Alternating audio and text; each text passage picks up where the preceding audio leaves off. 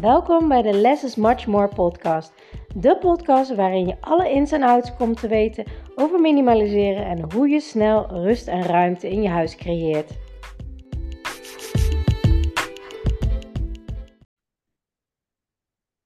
Ontzettend leuk dat je weer luistert naar mijn podcast. En vandaag heb ik een hele leuke dame in mijn podcast die gaat helpen bij het interne minimaliseren, het loslaten uh, van verschillende patronen en um, trauma's oplossen. Vilna, wil je jezelf voorstellen? Hey, ja, hallo. Ja, hartstikke fijn dat ik hier uh, bij jouw podcast mag zijn. Um, ja, ik ben een, uh, een, een, vrouw die uh, drie kinderen heeft en getrouwd is. En door eh, schade en schande, zo'n ruim twintig jaar geleden, um, in aanraking ben gekomen met het hele van het lichaam vanuit de energetische geneeskunde. Ik was mm -hmm. heel lang ziek. En de, de artsen kwamen niet verder. En uh, toen iemand tegen mij zei, er zit een emotie op. Toen moest ik eerst heel erg lachen. En toen heb ik dat ook heel erg veroordeeld. Uh, maar toen ik mezelf gunde en toestond om eens te kijken of dat misschien wel eens wat kon zijn. En ik ontdekte dat ik daarmee ineens helemaal pijnvrij was. Ja, toen ging er voor mij natuurlijk een wereld open. En uh, inmiddels mag ik dat uitdragen. Ik heb me daar helemaal in verdiept. Want ja, ik dacht, als ik dit kan, dan kan iedereen dit. En um, nou ja, dat doe ik nu met passie en liefde. We hebben de Happy Healing Family en de Happy Healing Academy en de Happy Healing Retreats. Waarbij we laten zien dat heling vaak het vergeten domein is waar mensen vastlopen. Dat ze vol zitten met ballast en daar last van hebben uh, in hun zelfgeheugen. Maar dus niet snappen waardoor ze zo'n last hebben. En als je daar jezelf, sorry, als je daar jezelf gunt naartoe te gaan, en dat is helemaal niet zo ingewikkeld, want jij bent ook een weekendje geweest. Ja, klopt. Zo, vast nog even ga je dat vertellen. Um, ja, dan, dan is het hartstikke leuk en bevrijdend. En dan wil je ook dat het nog iets leuks is om te doen ook. Dus vandaar de happy healing. En um, ja, dat mag ik uh, met liefde en passie doen. En daar word ik heel blij van.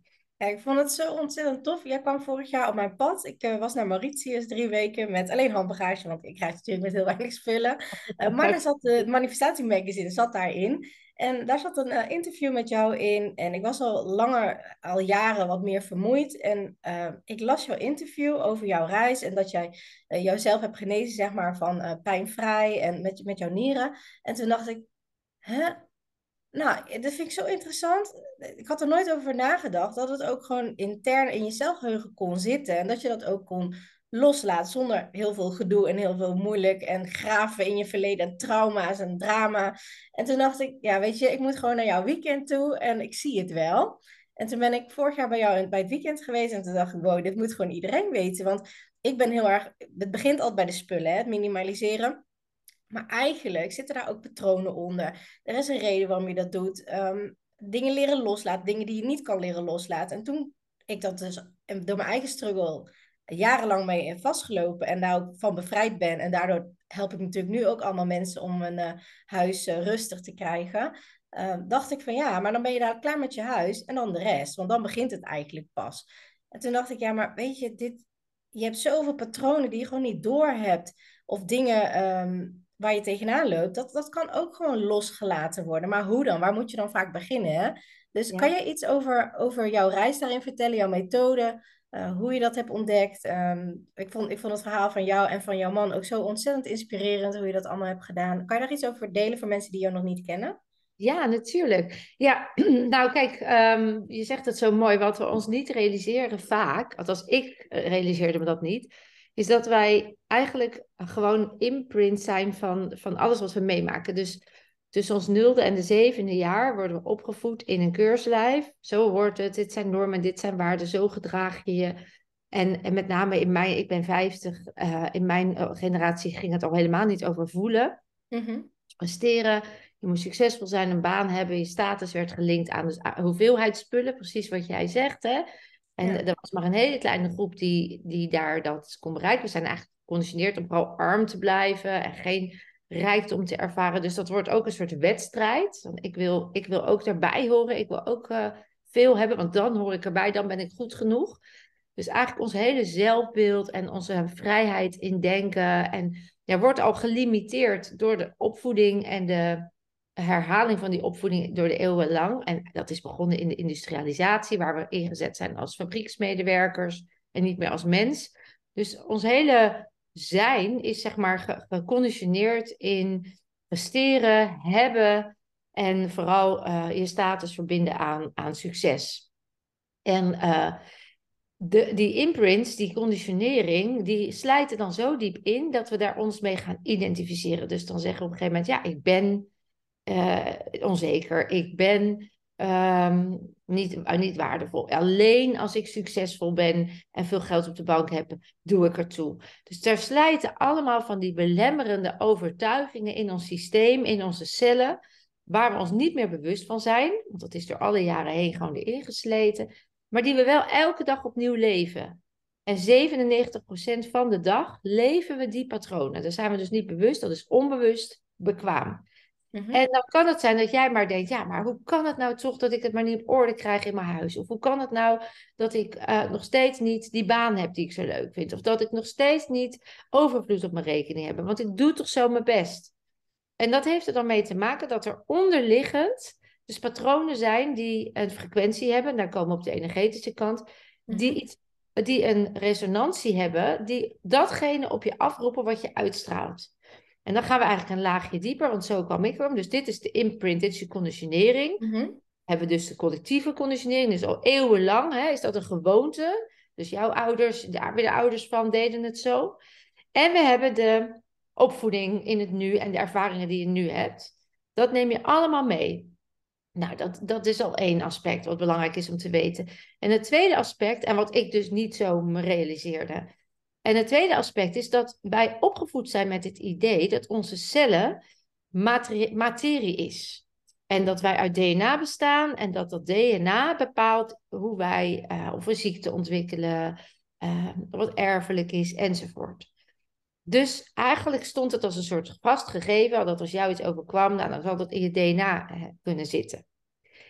Toch uh, is er verder onderzoek naar gedaan. En de epigenetica en de kwantumfysica, die samen, epigenetica betekent, is dat waar of heeft de omgeving effect op ons en verandert dat ons DNA? Mm Dat is dus aangetoond inmiddels dat een een-eiige tweeling met hetzelfde DNA, als de een een trauma meemaakt, dan verandert het DNA, waardoor ze ineens bijvoorbeeld obesitas ontwikkelen, terwijl die andere dat niet ontwikkelt, omdat hij niet dat trauma heeft meegemaakt. En daar zagen ze, hé, hey, hoe kan dat dan? Want als dat DNA vaststaat, dan zou dat niet moeten kunnen. Ja, zou hetzelfde zijn, hè? Ja, toch? Nou, en dat, die, dat inzicht samen met de kwantumfysica, die zei, en dat gaat heel ver, maar ik ga het even in, in Jip en Janneke taal mm -hmm, ja. is dat een cel, als je nog verder erop inzoomt, dus niet naar de moleculen, atomen, subatomaire deeltjes, maar nog dieper erin, echt met de verfijnste technologie, dan kom je in het midden van die cel en daar ligt een leegte. En die leegte, dat is gewoon een energie. En die energie, dat noemen ze ook wel je nulpunt-energie, die hoort op een bepaalde frequentie te vibreren, waardoor jij in balans blijft. Dus even terug, als je griep hebt, anatomisch wil je lichaam terug naar balans in je lichaam en gaat het zelf aan om tekorts te krijgen, te zweten, hè, zodat je het opruimt. Mm energetisch in het celgeheugen, wil het ook terug naar die balans en wil die die frequentie, die nulpunt energie, weer op orde krijgen. Nou, wat blijkt uit onderzoek, is dat alles dus energie is. Dus waar we vroeger dachten, je bent materie, want we hebben een lichaam, mhm. weten we nu, nee, je bent energie die een vorm aanneemt van de frequentie die het heeft. En een lagere frequentie krijgt een vastere vorm dan een hogere frequentie. En dat betekent dat als, die, als wij energie zijn, dan kun je dat beïnvloeden. Dan kun je ehm, energetisch werken. En dat weet jij, want als jij een kamer binnenkomt met allemaal chagrijnige, boze mensen. Ja, dat voel je. Dan voel je dat. Hè? Dus we voelen elkaars energie. We gebruiken... hoogsensitieve mensen, wat, waar ik onder val. Ja, dat is gewoon heel... Dat voel je gewoon. Dat neem je meteen over. Ja, en het leuke is dat hoogsensitiviteit is eigenlijk prachtig, want iedereen heeft het. Mm Omdat we dus afgeleerd zijn om er naar te luisteren. Want misschien werd als kind wel tegen je gezegd, nou stel je niet aan. Of eh, doe maar gewoon, dan doe je al gek genoeg. Of nou, hè, het gaat alweer, kom maar weer, het is alweer over. Ja. Of je kwam de kamer binnen, er was ruzie, je vroeg wat is er en er werd gezegd, niks, helemaal niks aan de hand. Dan zeggen ze eigenlijk voel maar niet. Hè? Dus Ja. dan voel je van alles, maar je, je, je mag er niet naar luisteren, dus je laat dat. Maar dan heb je wel dat je dus van alles waarneemt. En iedereen heeft dat, dus het is heel belangrijk dat we dat weer gaan gebruiken. En ben je overgevoelig, dan mag je ook nog meer in balans komen, want dat betekent dat je je ehm, te overprikt bent, te omgevingsbewust moest zijn om je veilig te voelen. En dan mag je dat stukje ook nog, hè, want dat hoeft niet. Je mag gewoon vertrouwen op je intuïtie, op je gevoel, maar je hoeft niet de hele tijd op je hoede te zijn. En high Mhm. sensitive vanuit de energetische geneeskunde heeft dus te maken met een disbalans vanuit onveiligheid. Dus en, en, en high sensitive, dus, dus het is, eh, volgens mij, wat jij zegt, is je voelt gewoon heel goed dingen aan. Ja, ja. Je hebt er geen Ik weet er inmiddels mee om te gaan, maar dat Precies. echt zware overprikkelen. Ik weet nu hoe ik ermee moet omgaan. Dus dat, dat is het verschil. En heel veel van mijn klanten zijn ook heel erg snel overprikkeld. En dat is ook logisch, want alle spullen neem je waar. En Ja. alles heeft energie. En, dat, en alles zit een haakje aan een herinnering, wat een emotie oproept in het nu. Wat heel veel ballast op je, op je legt eigenlijk. En als je dat opruimt, dan Ja, heb je daar al veel minder last van. Maar inderdaad, dan moet je het wel aan durven te kijken en ook dingen leren loslaten en niet aan blijven vasthouden. En dat is wat jij natuurlijk doet. Jij doet het intern, zeg maar de, de trauma's, de herinneringen, de dingen die je echt daarin tegenhouden. Ja, en dat is ook zo mooi, want eigenlijk is het exact hetzelfde proces wat jij Ja. doet. En, ehm, want dat blijkt dus als je die trilling vervuilt, dus door, je maakt heftige dingen mee, doordat mensen eh, leren je niet te voelen. Want emovere, energie, is, emo, is emotie, eh, emotie is energie in beweging. Dus emovere betekent letterlijk em- eh, energie in beweging. Dus als jij ehm, die energie niet stromend houdt en je maakt bijvoorbeeld een trauma mee en dat is een lage frequentie, want ze hebben dus onderzocht dat bepaalde gevoelens en bepaalde gedachten lagere frequenties hebben, dan Mhm. komt dat binnen in jouw lichaam. Dus als je alsmaar in een omgeving zit met lage frequentie, met depressieve mensen, dan neemt als het ware jouw lichaam die frequentie over, omdat ze adaptief is, jouw systeem, omdat je ergens bij wil horen. Dus dat is een soort automatische reactie van ons systeem, van ik pas me aan aan de prikkels van de omgeving, want dan weet ik zeker dat ik erbij hoor. Dat gaat onbewust, mits je Mhm. dat bewust natuurlijk niet doet. Dan heb je invloed. Dus als je het niet niet bewust bent, kan het zijn dat jij ineens in een werkomgeving zit waar een hele lage energie is. Jij komt helemaal blij, begin je aan die baan en je eindigt chagrijnig en klagend na een paar maanden. Dat je denkt, huh? Nou, dan, dus we wisselen energieën uit en we maken dingen mee die zorgen dat die frequentie verstoort. En omdat we vergeten die emotie te doorleven, we weten niet meer hoe wij ons gevoeld hebben. Als ik naar mezelf kijk bijvoorbeeld, ik ben toen ik negen jaar was door een ruit gevallen en ik had een slagadelijke bloeding doordat er een stuk glas in mijn keel schoot. En ik ben gehecht. Ik heb het de nauwe nood overleefd. Ik ging een week later weer naar school met een pleister erop. En niemand vroeg aan mij hoe het met mij ging. Weet je wat het met me had Mhm. gedaan? Ik heb gewoon echt doodsangst gehad. En ik heb dat gevoel niet doorleefd. Want ik dacht, zolang ik maar dat stuk glas voel, leef ik nog. Ja. Dus in plaats van me over te geven aan die angst, ben ik gaan vechten om maar niet dood te hoeven gaan. Mhm. Ze- Nou, zeg maar, tien jaar later kreeg ik ineens allemaal klachten in mijn nier. Mhm. Dat kwamen pas weer zeven jaar later daarna achter dat het mijn nieren waren. Maar eh, toen bleek dus dat mijn linkernier helemaal verschrompeld was na zeven jaar medische trajecten. En mijn rechternier inmiddels onder druk stond, omdat ze hadden gezegd: je moet maar zwanger worden, je zal wel onvruchtbaar worden, je zal wel kiesters hebben je eierstokken. Ze konden gewoon niet vinden wat het was. En toen was ik zwanger en toen werd het nog erger. En nu, later leerde ik dat nieren staan voor angst. Die Mhm. zuivere angst. Dus als ik die angst niet verwerk, niet opruim, laat liggen, even terug naar de metafoor van de kamer. Ja. Ja, op een gegeven moment zie ik niet eens meer dat het daar ligt, maar stoort het wel. Ook Ja. al is dat onbewust. Het doet heel veel. Ja. Het doet zoveel. En dat stuk moest ik dus nog aan met mezelf. En dan denk je, oh, maar dan moet de hele beerput open. En dan moet ik weer helemaal En daaruit, dat is zo leuk als je met energie werkt. Als je dan leert dat een emotie slechts 20 tot 90 seconden duurt. Maar we zijn gestopt hem te voelen omdat we te bang waren voor het, voor het gevolg. Dat we dachten dat we dood gingen enzovoort. Uh, dan, dan als je die dus nog één keer doorleeft. Zonder het hele drama erbij. Maar gewoon even die angst doorleven. Dan ben je dus na anderhalve minuut bevrijd. Ja. En dat, die realisatie, laat die even op je inwerken. Dat is als je zeven jaar, ik liep zeven jaar lang, liep ik uh, ziekenhuis in, ziekenhuis uit. Met alle integriteit van de artsen voorop en kennis die er ook is. Hè, we zijn niet tegen de medische wereld. We zien alleen dat er een domein niet behandeld wordt in de ja, medische wereld. En en, hè, vaak. En en. Soms en en, want ik zeg de medische wereld is vooral voor de eerste hulpverlening en de diagnoses en de meten. Ja. De prognose, daar hebben we zoveel invloed op. Want we kunnen dus gewoon emoties weer opzoeken. Alleen dat is natuurlijk de vraag: hoe weet je nou welke emotie waaronder ligt? Ja. En dat kunnen we wel gaan bedenken van nou, ik heb toen misschien iets naars meegemaakt. Of ik ben toen afgewezen. Ik ben toen gepest. Dus dat zal het daar wel mee te maken hebben. Ja, dat zal je ook ervaren hebben. Dat ben ik even benieuwd bij jou.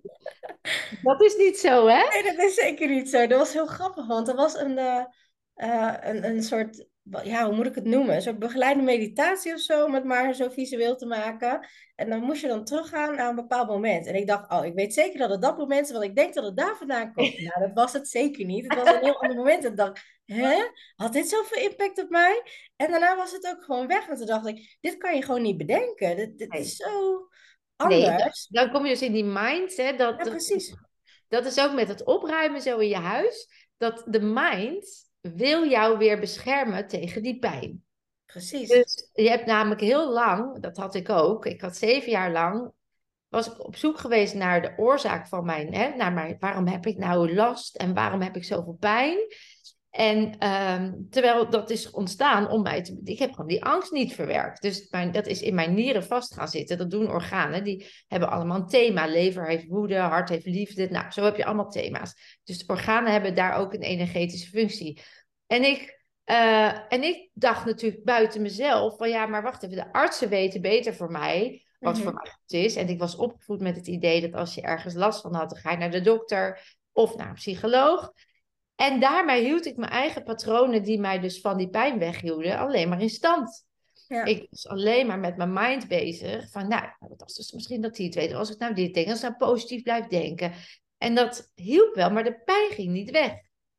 En um, ik denk dat dat goed is om je te realiseren. Dat je met gedachtekracht kan je echt heel veel doen. Mm Alleen als er nog een propje vast ligt, een energetische frequentie vast ligt als een propje in een rietje, dan kan je er niet tegenaan positief affirmeren. Dan dien je eerst te helen, omdat het gewoon verstopt ligt. Ja. Die paar mind-gedachten, die zijn nooit zo sterk als de emotie die doorvoeld moet worden. En ik denk dat dat leuk is, dat mensen dus nu gaan misschien denken, oh, maar dan kan dat het geweest zijn, of dat, dat dacht ik ook. Ja. Maar dat is niet zo. Dus als je jezelf toestaat en in overgave durft te gaan van nou, ik ga gewoon eens naar binnen. En dat vergt ook een bepaalde training. Mm -hmm. En we geleiden je daar natuurlijk helemaal bij. Uh, want naar binnen gaan, poeh, hoe doe je dat dan? En, en uh, hè, onze body and mind reset, onze methode, is natuurlijk uh, is, is een, is een, is een, ja, een creatie vanuit al die ervaringen en al die kennis die ik natuurlijk naar mijn eigen ervaring ben, opgaan, op ben gaan doen. Ik heb natuurlijk niet even bedacht, oh, dat doen we even zo. Ik, ik heb het zelf mogen ervaren. Ik heb die emotie die erop lag op kunnen ruimen. Ik was zogenaamd een medische wonder. Maar ik dacht, nee, ik heb iets gedaan wat werkt, waar ze in de medische wereld nog niet bekend mee zijn. Ja. En dat heeft bij mij de aanzet geweest om me daarin te gaan verdiepen. En toen kwam ik in een wereld van het vergeten weten. En hoe belangrijk het is om, uh, om in contact te zijn met je lichaam. Hoe belangrijk het is om weer samen te werken met je lichaam. En dat heeft tot op de dag van vandaag, en ik ben nu, wat ik zei, ik was 19 toen ik klachten kreeg. eh, en 25, ja, of 18, ik was al 18 toen ik klachten kreeg. 25 werd ik zwanger. 26 mijn eerste operatie en daarna nog zeven jaar ge zeg maar. Of nou ja, daarna ook nog heel lang geëmmer tot mijn derde kindje. Daarna heb ik mezelf geheeld. Ehm, dus zo lang uh, was ik daar niet van bewust, zeg maar. En was ik opgevoed in het, uh, ik was gewoon opgevoed in het andere idee. En pas toen ik die ervaring had, ging ik me erin verdiepen dat het eerst geloven is. Dat je het dan pas gaat zien. Dat je echt mag gaan voelen hoe je in contact komt met je lichaam. En nog steeds, daar hadden wij het in het voorgesprekje ook even over, mhm. ontdek ik nog laagjes bij mezelf. En dan heb ik dingen opgeruimd in de kamer, om het zo maar even te zeggen. Ja, ja. En dan uh, zie ik toch nog weer een hoekje waar ik nog even niet naartoe was geweest. Ja, of een laadje die je even vergeten bent, die open ja. denk je, oh ja, hier was ook nog wat. Precies, of nog even geen zin in had. Of een nieuwe kamer die, uh, die zich aandient. Dus ik denk dat het juist te gek is, net als dat je dat in je huis doet, dat je jezelf toestaat om gewoon in de flow te gaan van, van uh, dat je je realiseert van oké, wat als ik dit loslaat? Wat, wat, wat, waar ben ik dan zo bang voor? Wie ben ik zonder de pijn? Wie ben ik zonder de chaos in mijn huis? Wie ben ik zonder uh, deze depressie? Want word je dan ook gezien? Moet je dan verantwoordelijkheid nemen en weet je niet hoe? Uh, moet je dan ineens gaan werken terwijl je eigenlijk twijfelt aan je eigen kunnen? Dat zijn mhm. allemaal onbewuste patronen, beschermingsmechanismen die in stand houden dat jij misschien nog die, dat, dat, dat die troep laat liggen. Want wat als die troep weg is? Ja, je, ja, je kan bedenken, oh, dat is hartstikke fijn, want dat wil ik. Maar misschien levert die troep die vaste energie jou nog wel wat op. Heeft het je ooit beschermd tegen pijn? Mhm. En ben je veel te bang dat als je nu die, die fysieke pijn aangaat, dat dan die onderliggende emotionele pijn, die daar natuurlijk aan ten grondslag ligt, dat je die naar weer aan moet gaan kijken. En dat je toch dan denkt, nou dan blijf ik maar liever, dan maar liever fysiek. Hè? Want dat kan ik aan.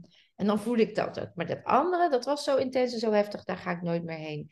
Ik denk als mensen zich dat gaan realiseren en zich dan toestaan om te trainen naar binnen te gaan, ja, dan gaat er echt zo'n mooie wereld open. Ja, want heel vaak ligt er iets onder waar je gewoon helemaal niet weet dat dat, dat, dat het probleem was. Ik, ik ging naar jou voor de vermoeidheid en ik kwam dingen tegen dat ik verantwoordelijkheid overpakte wat niet van mij was. En dat soort dingen allemaal. En toen dacht ik, oh, nooit over nagedacht. Maar daarna heb ik wel echt wel heel veel stappen gezet. En uh, hele rigoureuze keuzes ook gemaakt. Omdat je dan pas weet wat, wat er aan de grondslag ligt en wat je eraan te doen hebt. Maar voordat je dat door hebt, is eigenlijk heel mooi dat je, dat je lijf zeg maar aan de bel trekt. Van, uh, hè, dat je ergens echt last van krijgt, dat je het al aan moet kijken. En ik vond het ook heel mooi. Er was een man, uh, die was dan dat weekend daar ook. En zijn vrouw was al eerder geweest. En die, had, die was 36 geloof ik. En die had kanker. Die, die was eigenlijk opgegeven door de artsen. En nadat ze bij jou weekenden en een week had gevolgd, was zij gewoon, was drie, drie kwart van haar kanker gewoon verdwenen. Dus had gewoon weer levensperspectief. En toen dacht ik, hè, hoe dan? Weet je, zo. En dat was niet één verhaal, dat waren er echt heel veel dat soort verhalen bij jou. En toen dacht ik, ja, maar dat vind ik zo tof ook om te weten, want dan kan je gewoon je leven echt weer gaan leven. En uh, mijn moeder is een paar jaar geleden helaas overleden aan longkanker. Uit het niks eigenlijk. En dat heeft uiteindelijk maar drie maanden geduurd. En ik heb jouw weekend natuurlijk gevolgd. En ik heb het boek gelezen van Anita Mojani. Ik moest ja. doodgaan om mezelf te genezen. En toen dacht ik, ja, tuurlijk, je kan niet alles voorspellen, niet alles oplossen. Maar ik denk, bij mijn moeder zie ik ook echt wel dingen terug. En vooral die generatie, pleasen, veranderen zijn, niet je eigen hart volgen, niet leven. Um, tuurlijk wel in, in dingen deze, deze echt wel wat ze wilden. Maar toen ik dat allemaal ging begrijpen, dacht ik, ja, dat is wel... Er zit zoveel meer onder dan dat mensen kunnen voorstellen eigenlijk. Ehm, ja, even longen staan echt voor verdriet, hè? oud verdriet. Ook in relatie met relaties, want alles waar er twee van zijn, heeft weer met relaties te maken. En in die tijd, ik, ik geef in mijn boek ook dat voorbeeld, ik weet niet of jij dat nog kan herinneren, maar dat, dat is dan die vrouw die bij mij komt met vaginisme. Ja. En dan, ja, hè, dat is ook zo'n mooi voorbeeld. En dan, ze, ze krijgt die klacht na de tweede bevalling. En het logisch om te denken, dat komt natuurlijk door die bevalling, dat is traumatisch geweest. Dat was ook een hele nare gynaecoloog geweest, die, die mhm. weigerde haar te helpen met haar pijn. Zij vond dat ze zich aanstelde, ze moest er maar doorheen. En de, de dochtertje was vlak voor de geboorte ineens eh, raar gaan liggen, dus hij moest nogal Of met zijn handen heeft hij dat kind gedraaid. Dat heeft heel veel pijn gedaan. En zij werd daarin gewoon totaal niet gezien en gehoord, uh, die moeder. Mhm. Zij dacht dus ook, hè, dan komt de mind weer, van nou dan heb ik daar natuurlijk een trauma van. Want ineens mag niks meer naar binnen, zeg maar. Vaginisme, ja. verkramping. Um, waarbij je gewoon niks, geen penetratie toestaat meer. Mhm. En uh, zij wilde wel weer gewoon intimiteit met haar partner. Ze had ook een gelukkig huwelijk. En ze waren, maar ze kon, ja, dat ging niet meer. En toen wij dus die reset ingingen, en, en dat is dus inderdaad een oefening waarbij je A, jezelf eerst toestaat, B, eventuele weerstand loslaat, dan vervolgens via een geleide stuk, hè, je wordt echt meegenomen in je lichaam, kom je dus ergens op die tijdlijn uit. En nou komt het interessante. Waar zij dacht, ik kom wel bij die bevalling. Mhm. dat, is, dat is dus het interessante. Dat is dus per definitie vaak niet waar het zit, omdat een trauma vaak complexer is. Een trauma in het nu is een weerspiegeling van iets wat je al veel eerder hebt meegemaakt. En dan kan het zelfs zijn dat dat tussen je 0 en je 7 jaar, daar ligt het vaak. Of, daar ligt het ook vaak, nog voorouderlijk. Dus transgenerationeel. Alsof je oma of je opa iets niet kon verwerken. Dat is als een vast propje in die cel blijven zitten. En met het overgaan, hè, dus met het geboren worden van een nieuw, uh, nieuw uh, ziel, nieuwe mens, is dat stuk celgeheugen meegekomen. En dan kan het zijn dat dat celgeheugen in een rustleven noemen we dat, niet actief gemaakt wordt, omdat er ook geen aanleiding is. Er is niet een soortzelfde context, niet een soortzelfde situatie. Ja, geen triggers. Uh, geen trigger, ja. En bij haar was dat dus ook zo. Zij, ineens schoot zij in een stuk van haar oma. Dus ze kwam op die tijdlijn en ze schreeuwde: ze, Ik word verkracht. En ik ben het niet, het is mijn oma. En ze begint dat, zij doorvoelt weer die angst en doorvoelt dat hele stuk wat haar oma toen, waar de oma in een freeze is geschoten, die is Mhm. natuurlijk compleet op het lot geslagen.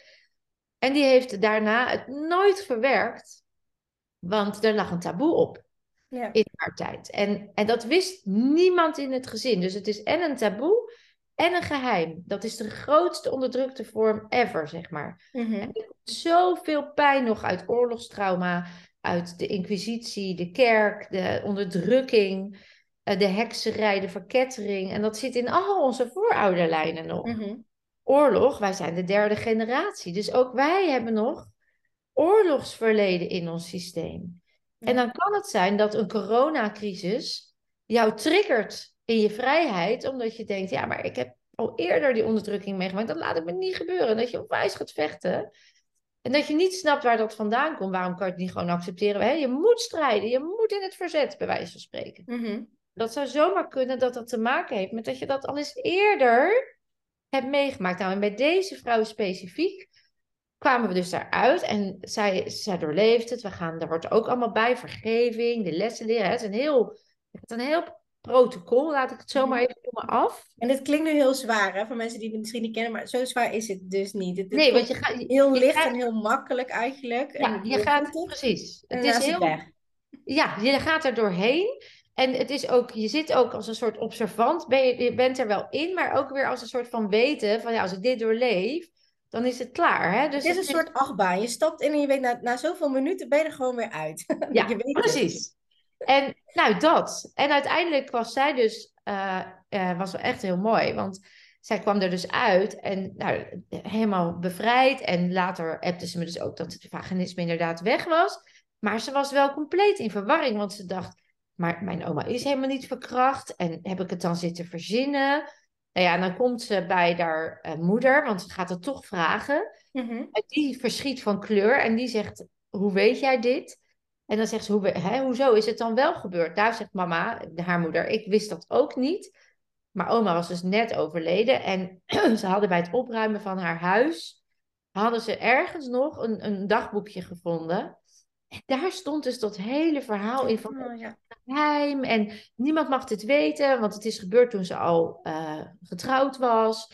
Dus zij, die vrouw die heeft dat zo verstopt. en van zich af moeten schrijven. Maar wel, dit neem ik mee mijn graf in. Nou, die Mhm. graftrauma's, hè, die meegaan het graf in. Ja, dat kan dus zomaar zijn dat jij ineens hier in dit leven nog dat op moet lossen. En dat klinkt dramatisch, maar je ziel wil niets liever dan heel zijn. Ja.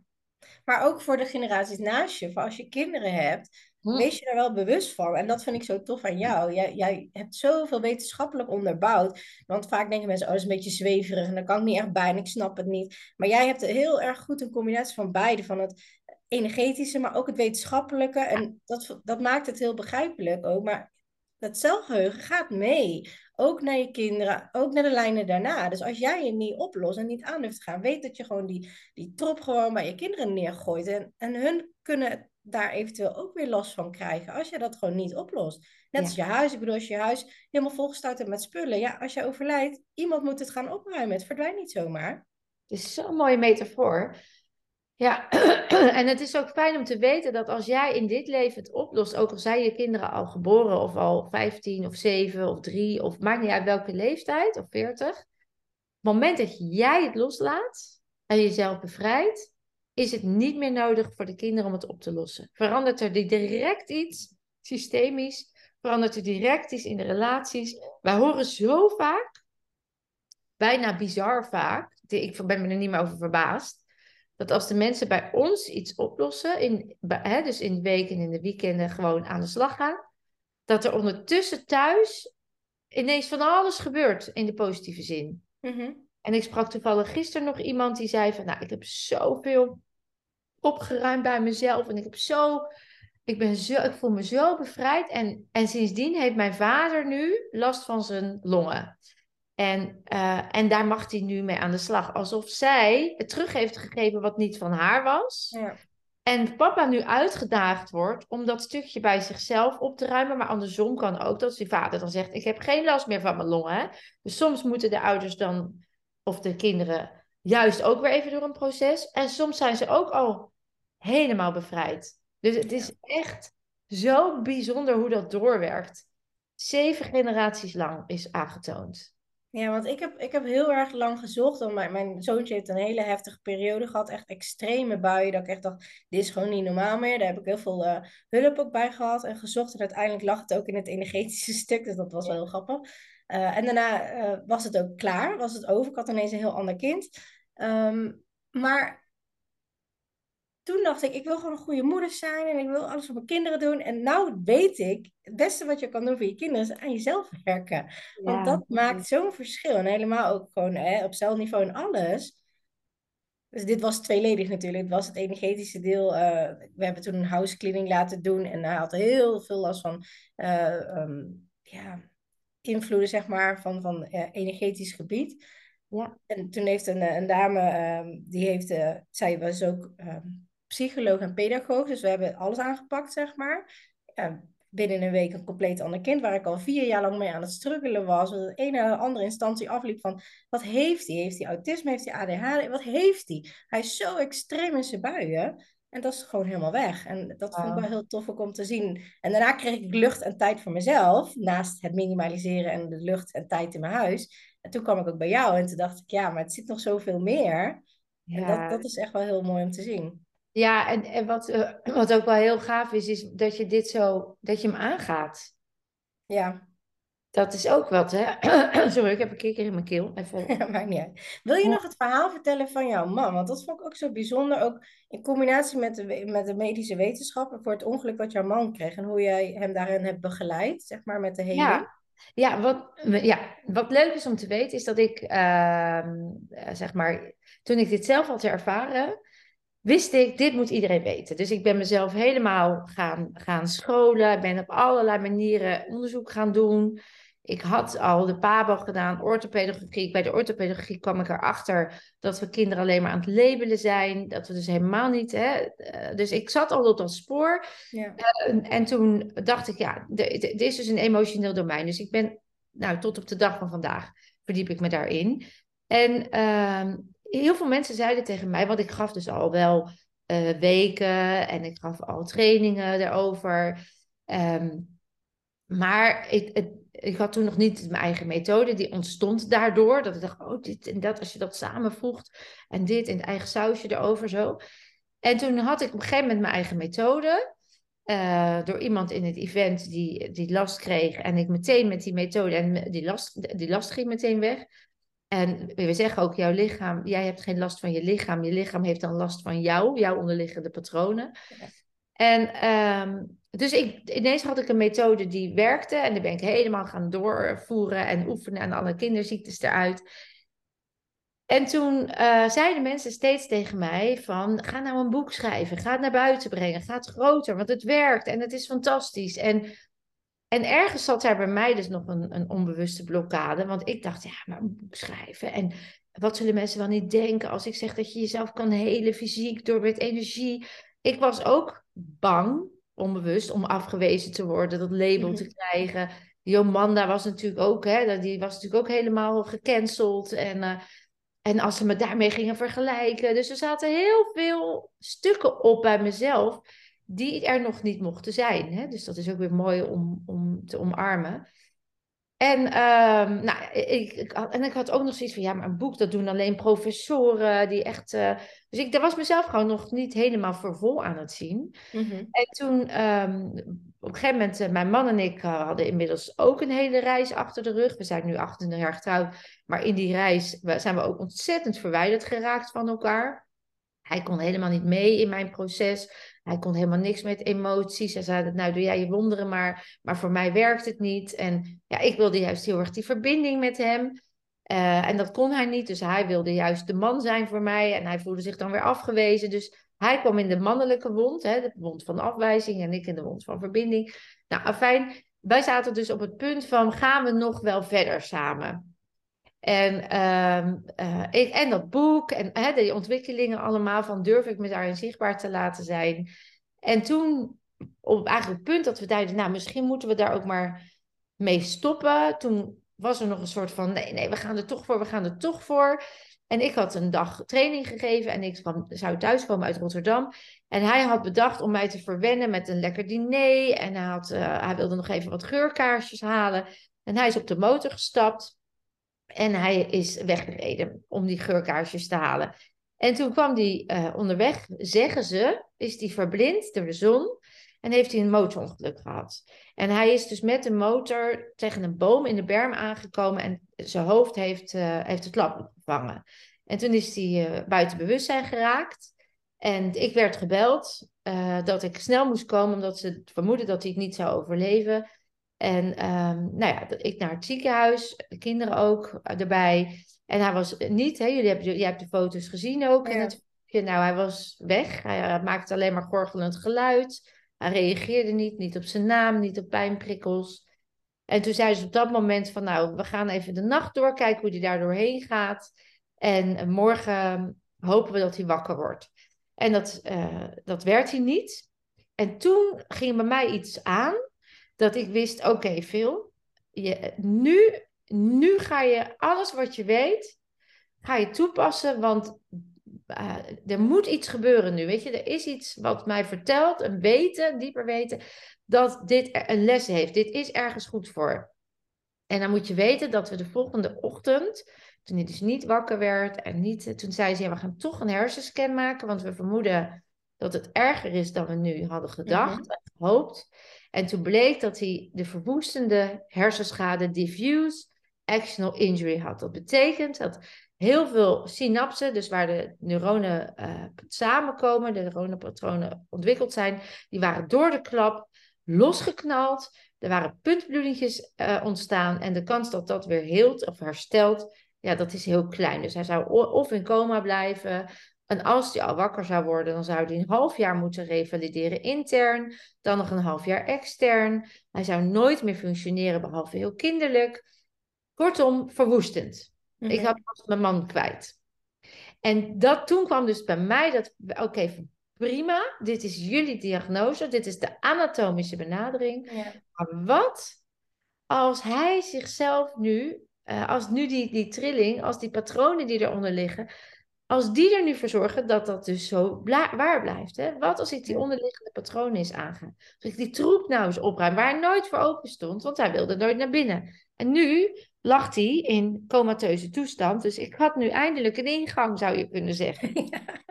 Want als je, je wist wat eronder lag, heel veel dingen. Dus je wist waar je op moest werken. Ik wist het, want hij had natuurlijk de overtuiging. Hij was als jong jongetje behoorlijk verwaarloosd. Hij had een alcoholische vader. Zijn broer had een ernstig ongeluk gehad. Dus hij was niet... Ja, hij moest het zelf allemaal. Die heeft heel veel zorg gehad.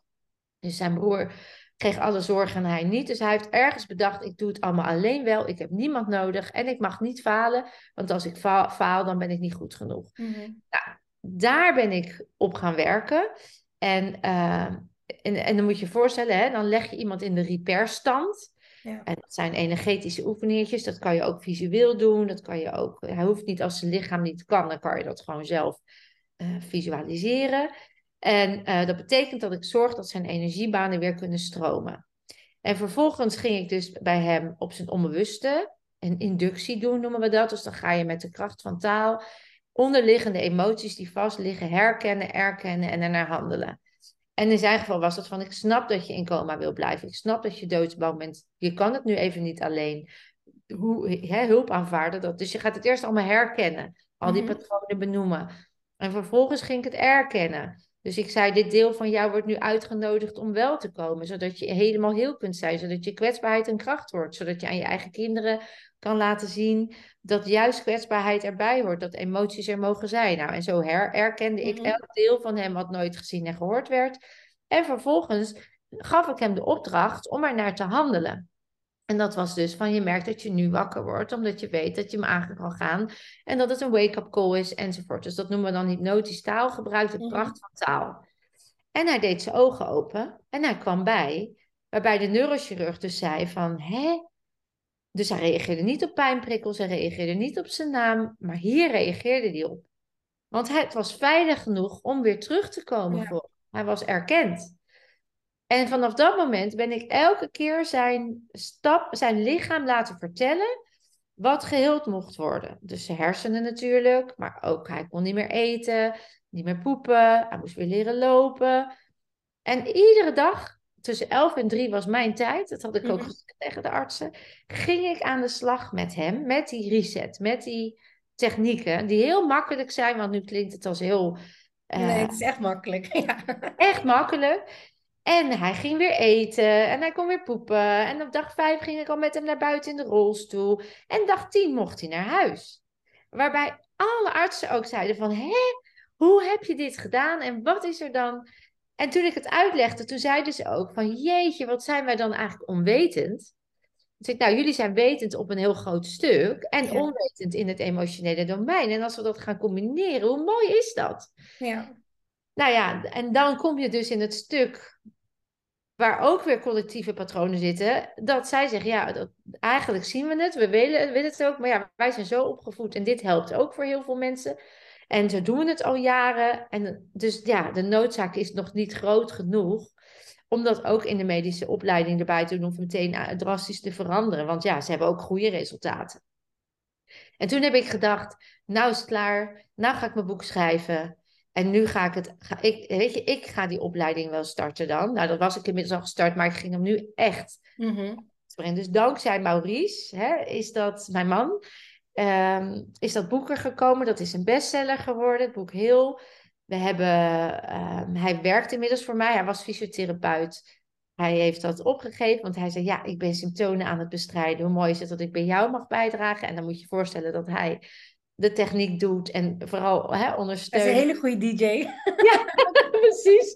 En uh, dat hij echt zorgt voor eigenlijk alles eromheen, daar helpt hij me bij. En hij doet zoveel. En uh, ja, jij hebt hem ontmoet. Ja, uiteindelijk ja, is hij gewoon zo goed als helemaal, heel, helemaal hersteld, hè? Ja, hij is helemaal, hij, is, uh, ja, hij zegt altijd zelf, ik heb een aantal zaken ingeleverd, maar die wilde ik toch al kwijt. Want dat mhm. waren die hardnekkige, hè? ik zeg ook, hij heeft zijn nek gebroken met het ongeluk. Hij was hardnekkig. Dat moest dus open, die poort. Hij had ingeklapte long, hij had ruggen, uh, rug gebroken, nek gebroken, de hersenschade. Dus er was van alles mee. Het is allemaal helemaal uh, hersteld. En uh, ja, hij is er zelfs, hij is kwetsbaarder, liever, zachter. Hij heeft zoveel opgelost. En daar waar hij zichzelf nu nog ontmoet, hè, dus hij, dat, dat niet falen, dat zit er nog steeds een beetje in. Mhm. Dat is hij nu zelf aan het aangaan. Dus dat vind ik dan ook wel leuk. Waar hij vroeger zei, nou, uh, doe ik allemaal niet. Gaat hij nu op zoek en vindt hij ook... Uh, want ik zeg, ik ben niet je coach, hè, dat mag je echt zelf gaan doen.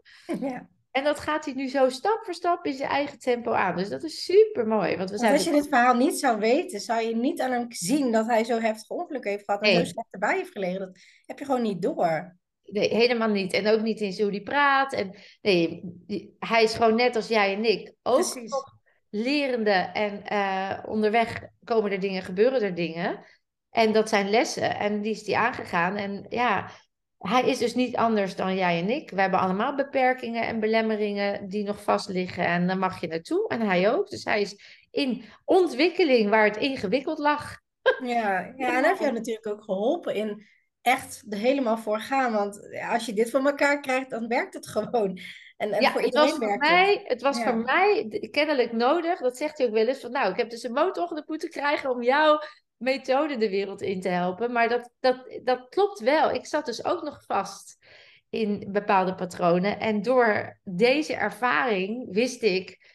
Ja, jongens, ik kan het niet. Het was bijna. Het voelde gewoon egoïstisch om het niet te doen. Mm Er zijn zoveel mensen die hier baat bij hebben. Ja. En de schaal waar ik het deed was ja, leuk. Want er gebeurde al heel veel moois. Maar het mocht natuurlijk wel veel meer de wereld in. En sinds dat boek er is en de podcasts. En ja, je bent er zelf geweest. De zalen zitten gewoon vol. Ja. En het is, mensen denken, oh, in een groep en dan eng. En hoe was dat voor jou in een groep? Nou ja, ik heb sowieso geen moeite om in een, in een groep te zijn. Ik ben ook eerder al een keer drie maanden alleen op reis geweest en zo. Dus ik, ik vind dat niet zo moeilijk. Ik vond het wel heel mooi om te zien dat er ook een aantal mannen waren. Ja. Uh, dus niet alleen maar vrouwen. en ja, weet je, je zit allemaal voor hetzelfde daar. Dus binnen no time heb je dat wel uh, doorbroken van, oh ja, het is een groep en het is eng. Um, ik heb na het weekend heb ik nog wel een één uh, op één uh, sessie gehad met een van jouw coaches die door jou is opgeleid. Ja. Dat vond ik ook fijn. Dus weet je, als mensen twijfelen van ga ik naar zo'n weekend of een week, maar dat vind ik nog te heftig, dan kan je ook naar een van jouw coaches gaan, waardoor je één op één kan werken. Ja. Maar hoe dan ook, als je merkt dat je hiermee vastzit, zou ik echt zeggen, sowieso lees jouw boek, luister jouw podcast, Nou, ga naar een weekend, want ja, je geeft jezelf zoveel moois terug. Ja, dat is het. Het is zo bevrijdend. En waar we ook, wat we altijd concluderen is, als je, ehm, jij denkt misschien dat het masker wat je nu opzet, of de rol die je speelt, dat dat de bevrijding geeft, omdat je daarmee de pijn vermijdt die er mogelijk onder ligt. Maar op het moment dat je het masker los mag laten en de rol los mag laten, die jouw puurheid en je, je ware ik verbergen en maskeren, dan ontdek je pas de vrijheid die, waar je zo naar verlangt. Precies. Hoe harder je vecht tegen dat wat naar- als een ballon die onder water gehouden wordt naar boven wil komen en de signalen van het lichaam worden erger, je raakt meer ontevreden, je raakt meer neerslachtig, je raakt in een burn-out, je komt niet verder, je doet niet het werk wat je leuk vindt, je krijgt het maar niet op orde, Mhm. dan weet je, er, ik mag inner work, ik mag soul searching gaan doen. Ik mag mezelf gaan gunnen om daar de oorzaak aan te raken. En ja, ik had me ook heel lang beschermd en ik vond het ook dood, doodeng. Maar uiteindelijk bleek het dus helemaal niet eng te zijn. En dacht ik, "Ah, als dit zo makkelijk kan, dan was ik er maar eerder mee begonnen, weet je wel, dat. En nu omarm ik ook als mijn lichaam ehm, eh, dingen, als, het, als iets zich aandient, dan eh, voorheen zou ik, ik was ook bang geworden van pijn en ik, was, ik had een haat-liefde relatie met pijn, want ja, ik had als meisje natuurlijk wel wat heftigs meegemaakt en ik was dus altijd bang dat als ik pijn had, dat ik dood zou gaan. Dat Mhm. lag ook daarop. Eh, dat, dat, ik, dat ik echt nu me realiseer van, oh ja, die pijn, die doodsangst op pijn of die angst voor pijn, dat was natuurlijk mijn beschermingsmechanisme, weet je, zolang ik naar niet naar die angst hoefde of die pijn. En hoe langer ik daartegen vecht, hoe meer ik mezelf eigenlijk tekort doe. Ja. En ga het omarmen, happy healing noem ik het ook. Bedank je lichaam dat het aandient. Ook al voelt het soms echt in die pijn. Dus ik bedank helemaal niet, ik vind het vreselijk. ik er van het. Daar ligt juist het antwoord. Waarom bouw je ervan? Hoe verwijderd ben je van je lichaam? Waarom ben je zo lelijk tegen je lichaam? Want je lichaam wil met jou in verbinding zijn. Die wil met jou samenwerken. Die weet, die heeft de intelligentie om jou weer in balans te krijgen. Alleen laat jij het toe. Ga maar eens onderzoeken. Het is echt leuk. Ja, ja, zeker. Want dat was bij jou heel tof ook om te zien. Je ging echt van, van heel laag, van oh jee, heftig. Even, heel kort zeg maar, die achtbaan die, die even door de looping heen gaat. Even heel hoog, wow, super tof. En hè, ik ben ineens weer heel blij en dankbaar. Dat ik echt dacht van, hoe kan dit in twee minuten zo shift? Mijn hoofd kon er niet bij. En hoe langer ik daar in dat weekend zat, dacht ik, oh, zo werkt dat dus. Het, zie, het is ook heel mooi om te zien dat je door alles makkelijk heen gaat. En ik heb heel veel dingen gedaan. Breathwork, ik heb een ijsbad gedaan, ik heb ayahuasca gedaan. Uh, ik heb echt van alles, honderdduizend dingen gedaan. Waarschijnlijk ook heel veel die ik nu even vergeten ben. Maar jouw weekend vond ik echt heel tof, omdat hij gewoon zoveel dieper gaat, maar eigenlijk helemaal niet zo moeilijk is en niet zo heftig is. En toch heel efficiënt op, oplost. En nou, sowieso in mijn trainingen en mijn methodes ben ik ook altijd van het snelle, het makkelijke en het uh, blijvende resultaat. En dat vond ik echt heel tof om te zien. Ja, daar zijn we helemaal op één lijn, hè? Ja, en, zeker. En ook al die dingen die jij noemt, hè? Ik heb, ben nergens tegen hoor. Laten we dat even duidelijk. Gewoon voor, voor een nieuwe medische aanpak, zeg maar. Mhm. En ehm, wat ik ook merk, want ik herken ook die, die, die vindtocht. Ik noem het altijd een vindtocht, want we zijn gewoon aan het ontdekken en onderweg vind je dingen. En, ehm, die herken ik ook veel bij mensen. Dat hè, bijvoorbeeld uh, een ijsbad. En het, het is allemaal hartstikke fijn. Ik heb vanmorgen in een ijsbad gezeten, omdat ik me ook super lekker door voel. Nou ja, fijn uh, daarna.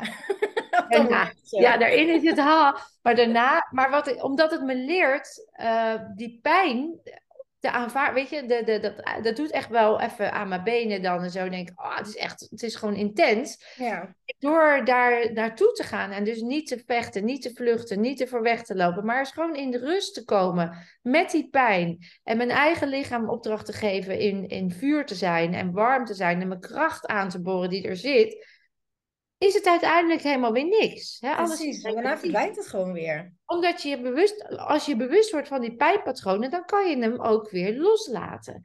En dan, dat is weer een mooie metafoor voor andere dingen. Nou, en al die methodieken uh, zijn dus niet de oplossing, voor mijn gevoel, maar zijn een middel om bewuster te worden van je lichaam. Want het is ook nog wel buiten jezelf. Maar als je die gebruikt om binnen in jezelf te komen en te zien welke patronen dus jij hanteert. Hoe ga je om met dat ijsbad? Eh, zet je jezelf als wilskracht neer. Van nou, ik moet hem aankunnen, ik doe net of het niet pijn doet. Dan heb je nog wat op te lossen. Want het mag, pijn mag er ook zijn. Als je uh, nog heel erg uh, erin en eruit, omdat je het niet aan kan, de pijn, dan heb je nog wat op te lossen. Want jouw lichaam wil jou daar leren het aan te kunnen. En daar vind ik het zo mooi voor dat je het kan gebruiken als middelen Precies. om naar binnen te gaan.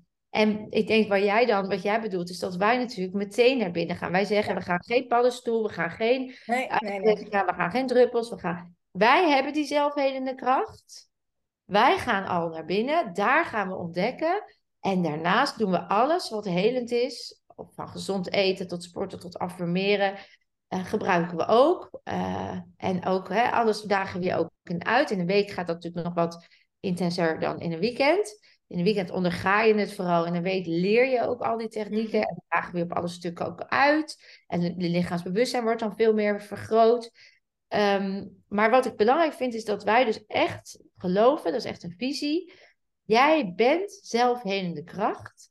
En jij kunt dat activeren. En als je dat kan, nou, dan, dan is dat zo een rijkdom. Ja, want je leert gewoon de skills hoe je het gewoon zelf kan doen. En dat is gewoon heel erg tof ook om te zien. Ja, en um, even kijken, want waar kunnen mensen jou vinden? Is er nog iets wat je nog wil delen met de mensen die jou, die jou nu hebben gehoord en die denken van ja, hè, eh, ik wil nog iets meer weten of zo. Waar kunnen ze jou vinden? Uh, wil je nog iets ja, Sowieso uh, www.vilna.nl, dat is mijn voornaam. Victor, Isaac, Leonard, Nico, Anton. Het is niet een veel voorkomende naam. Of Happy Healing of de BMR-methode. Dus daar googelen, dan kom je een heel eind. Is wat anders dan de BMR body mind release, dat is soms verwarrend. Dat, is, dat doet heel iemand anders, dat is ook iets totaal anders. Maar de body mind reset is het. En, um, uh, en, en de podcast, Master Your Life podcast heet die. Ja, mijn boek Heel. En ik wil eigenlijk meegeven dat als je dit luistert en het resoneert, En waar je ook bent, wat je ook voelt, jij bent gewoon zelfhelende kracht. En als je jezelf gunt die weg in te gaan, dan, ehm, ja, dan vind ik het te gek als ik je daarbij mag begeleiden. Maar voel vooral of het resoneert. En blijf uh, vertrouwen. Als jij ergens nu een gut feeling hebt, want dat had ik ook. Die weet van ja, maar zoals ik me nu voel en wat ik nu ervaar, wat ik nu meemaak in mijn leven, dat klopt niet. Ga er maar vanuit dat je gelijk hebt. Dan is er een weg die jou de uitweg gaat geven. En dan is dit gesprek geen toeval, maar dan valt hij je toe. En dan mag je daar naar handelen als het voelt. Heel mooi. Vilna, dan gaan we het hierbij afsluiten. Ontzettend bedankt dat je mijn podcast wilde komen. Ik ben heel erg blij dat je op mijn pad bent gekomen. Ook dat was geen toeval natuurlijk. En vice versa. Dat, ik het zag uh, in, uh, in Mauritius, jouw interview. En nu zit je tegenover mij, zeg maar, via Zoom. Ik vind het echt heel erg tof. En ehm, als je dit hebt gehoord en je vond het interessant, laat het vooral even weten. Deel het vooral even en zoek veel naar op, ook op Instagram. En uh, ja, daar gaat een wereld voor je open die makkelijk is, die fijn is, die heel helend is. En het is niet heel groot drama en heel zwaar. Dat absoluut niet. Dus um, nee, dat wil ik je nog even meegeven. Voor nu wens ik jullie nog een hele fijne dag. Dankjewel.